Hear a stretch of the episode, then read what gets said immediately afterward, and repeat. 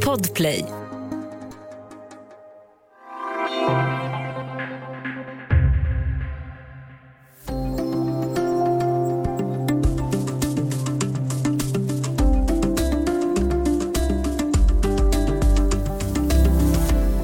Brasilianskt rumplyft kallas det kirurgiska ingrepp där man flyttar fett från andra delar av kroppen till baken för att den ska bli putigare och snyggare.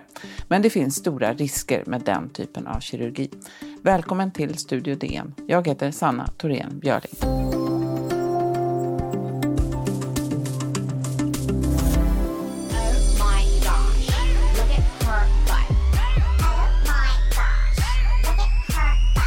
Var Anaconda med Nicki Minaj.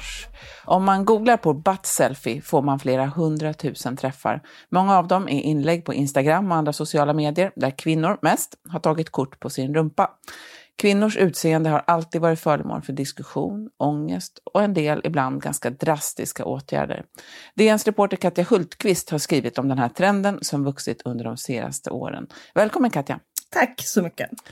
Eh, du, om vi börjar i den här änden, vem är Kim Kardashian? Alltså hon är ju en äh, affärskvinna framför allt nu, men hon har ju också varit fotomodell och skådespelerska. Och äh, framför allt känd från Keeping Up with the Kardashians som har pågått sedan 2007.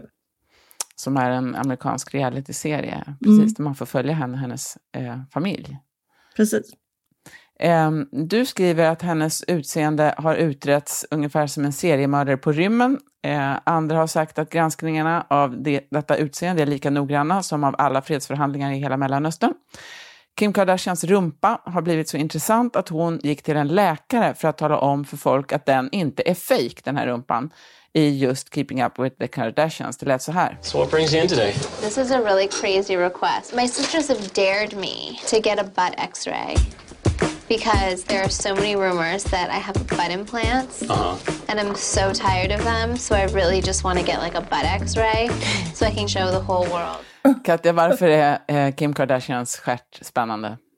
Nej, men för, just för att eh, det är många som tänker att man kanske inte kan få just den siluetten på naturlig väg.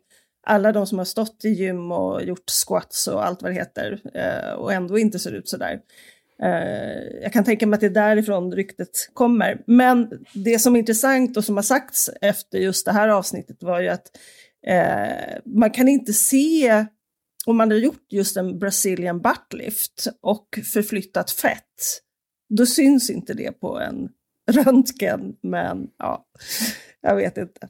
Just det, för då flyttar man ju riktigt eh, kroppseget fett. Eh, det här är ju en trend som har hållit i sig några år där många kvinnor då vill ha en större stjärt. Hur gör man då? Du nämnde ju ett par metoder här. Man, kan, man tycker att man kunde träna också, men hur kan man få en större stjärt? Alltså jag är verkligen ingen expert på det här, men eh, vad jag har förstått så är det ju olika övningar, typ kissande hunden, squats, burpees och allt vad det heter. Så, men jag har också förstått att det är folk som tycker att det är lite tröstlöst eh, och att man kanske inte får just den här eh, åtrådda rumpan som är väldigt voluminös och muskulös samtidigt.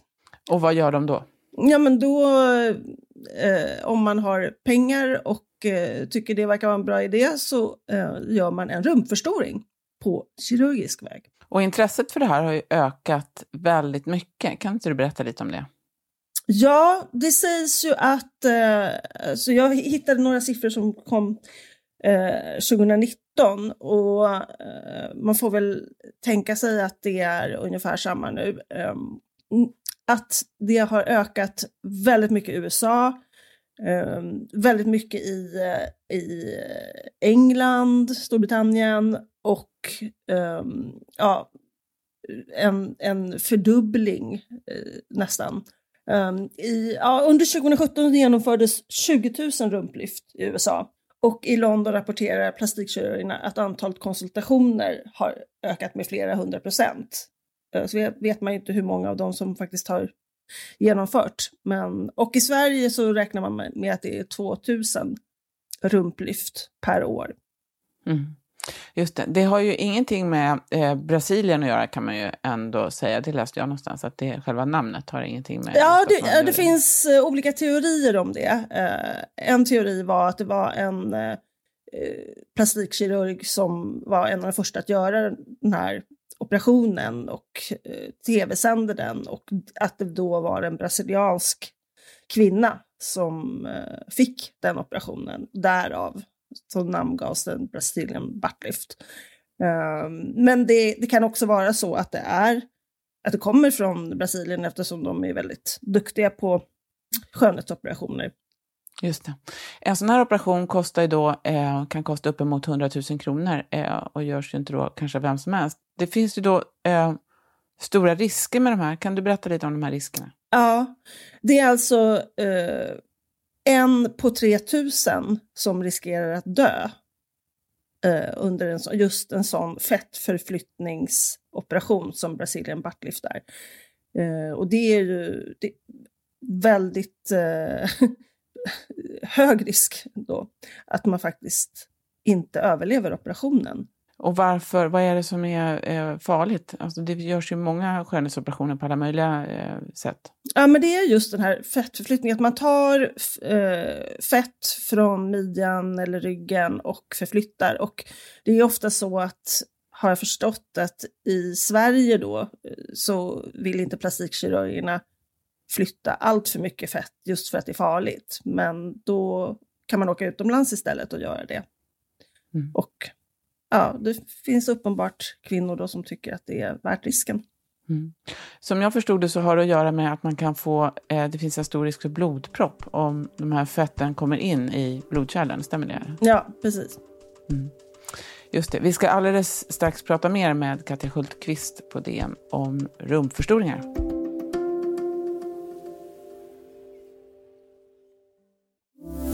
Studio DN idag om olika typer att förändra sin kropp. Du Katja, eh, varför skrev du om den här trenden just nu? Det var att jag lyssnade på en podd, Inte din morsa, med eh, Sanna Lundell och Ann Söderlund. De hade fått ett eh, läsarbrev.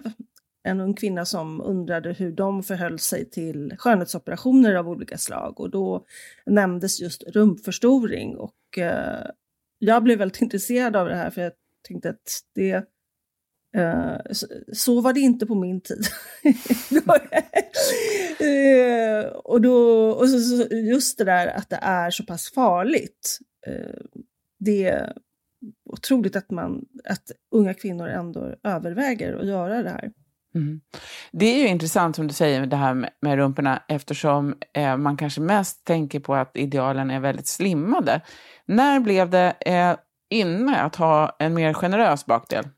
Ja, men det var ju, du refererade ju här till Nicki Minaj och hennes eh, Anaconda-video. Eh, den kom ju 2014, så i mitten på eh, ja, 10-talet blir det. Ehm, mm. Så eh, kom fler och fler sådana tendenser och Jennifer Lopez brukar ju nämnas som en annan sån förebild och ja, även Kim Kardashian. Och eh, jag tänker att det är en motreaktion just på det här um, lite märkliga idealet som var uh, smal, alltså smalhöftad och jättebröst. Uh, var ju idealet innan. Just det. Uh, alltså väldigt vältränade kroppar mm, och så inopererade silikonbröst. Tror du att det, hur viktiga är eh, celebriteter, alltså Kim Kardashian och Jennifer Lopez och andra är ju väldigt eh, framträdande personer. Är, är det de som leder det här tror du, eller hur uppstår det här? Det är svårt att säga hur trender uppstår, men eh, det har väl alltid varit så att det är eh, i alla fall några som står för ett ideal, men som på 50-talet och eh, alla de här pinup filmstjärnor, Marilyn Monroe och, och sådär, Sofia Loren. Vad som är hönan och ägget är svårt att säga. Mm. Men det låter ju eh, också ganska sunt, vad skönt att inte alla behöver vara eh, pinsmala och kanske mm. på ett väldigt helt ouppnåeligt sätt. Men då kommer det här som en eh, negativ hälsoeffekt kan man säga, om man nu ska utsätta sitt, sig för livsfara för att uppnå någonting. Ja, jo, men precis. Eh, jo, jag känner mig väldigt dubbel till den här trenden, för det är ju som du säger ganska skönt att eh, ja, den lite mer eh, naturliga kvinnor, alltså det är många kvinnor som har stor bak. Särskilt när man har fött barn och sådär. Och eh, den här klassiska frå frågan, ser min bak stor ut i det här? Det behöver liksom inte ställas längre. Eh, tack vare den här trenden, kan man ju tänka. Men eh, det är klart att alla de här eh, trenderna som går överstyr, det, det är ju inte sunt, såklart. Mm. Men tycker du att det här, upplever du att det, det här smala, är det borta? Jag tycker att det känns ju som att det, man ser många som är väldigt smala, eller lever de här trenderna parallellt? Vad skulle du säga? Ja, det är intressant det där, för att jag, eh, men jag läste ju eh, som många andra Greta Thurfjells eh, artikel om Vart tog brösten vägen? Det var för drygt ett år sedan som hon skrev den. Och, och jag kan tänka mig att det är så att det, det lever parallellt. Men det är ju det som hon också skrev att det är ju det största trenden nu är ju hälsoträningstrend. Alltså den är ju så stark eh, alla ska vara vältränade och så. Men eh, då, då kan man då välja mellan att vara... Eh, alltså det, om man bantar och tränar väldigt mycket så försvinner ju ofta eh, bröst. Men bak kan man träna upp. Det är väl det valet då man kan göra. Men ehm, eh, jag, om man ska ha det här Kim Kardashian-idealet om det är det man eftersträvar, då, då krävs byst också. Alltså det är den här timglasfiguren. Så att, eh, jag tror att de som gör Brazilian buttlift gör väl även en bröstförstoring också. Just det, jag tänkte också fråga det. Vad hände med silikonbrösten? För det var ju väldigt stort för, jag vet inte, är det 20 år sedan eller 15 år sedan eller någonting? Eller? Ja, men det ska väl inte vara liksom in your face eh, längre, eh, alltså upp framförallt urringningar, urringningen är väl borta eh, på det sättet. Det och, och baken i fokus, men, men som sagt var, timglasform tror jag. Vad tror du, eh, skönhetstrender, går de i cykler, att de kommer tillbaka? Eller eh, hur förändras Ja, jo, man kan ju se Uh, det har vi, så har det varit un, un, genom århundraden, men 1900-talet kan man säga var nästan schizofrent eftersom vartannat decennium så var det sin motsats som gällde. Eh, om man tänker 50-talet med ja, just den här timglasfiguren och lite trygga hemmafru-yppiga eh, former. Eh, och sen så kom Twiggy-idealet som var nästan till anorektiskt. Och sen så gick det tillbaka igen. Och sen så har det ju hållit på så. Men nu har, har den här, precis som du säger, den här träningstrenden hållit i sig väldigt länge. Just det. Men, va, eh, eh, attityden till plastikkirurgi är ju intressant, för den har ju eh, förändrats, där man ser att många yngre, eh, framförallt kvinnor pratar vi om, eh, men säkert män också, är, är mycket mindre skeptiska eller fördömande mot plastikkirurgi. Eh, hur, hur tydligt är det där? Nej men alltså det är, om man frågar unga människor om de kan tänka sig operera sig så tror jag att det är eh, såg någon siffra om att det är ja, men hälften av de tillfrågade kan tänka sig det. Det är inte alls eh, någon, så mycket skam kring det här. Och jag, och jag, tänker just att de här influerarna som gör operationer, då, det är ju oftast ett sätt att finansiera det, att göra det som ett samarbete. Och då är man helt öppen med det på sin Instagram eller vad det kan vara. Mm. Uh, så, och allt det här med botox och fillers och allt, det är liksom som att gå till tandläkaren. Typ. Mm. Vad tror du då att vi kommer få se framåt? Vilken, vilken kroppsdel står på tur här? Alltså jag tror att det är män framför allt som är... Eh, jag läste någonstans att det är eh, bröstförminskning för män som är nästa trend. Och, ja, men överhuvudtaget så män som har suttit också nu, som alla har eh, under coronan och tittat på sig själva under videomöten. Eh, ögonlyft, ögonlockslyft, allt sånt där. Botox kanske. Ja, det blir spännande att se. Stort tack för att du var med idag, Katja Hultqvist. Mm, tack. Studio DN görs för Podplay av producent Sabina Marmelakai, exekutiv producent Augustin Erba, ljudtekniker Patrik Miesenberger och teknik Oliver Bergman, Bauer Media. Jag heter Sanna Thorén Björling.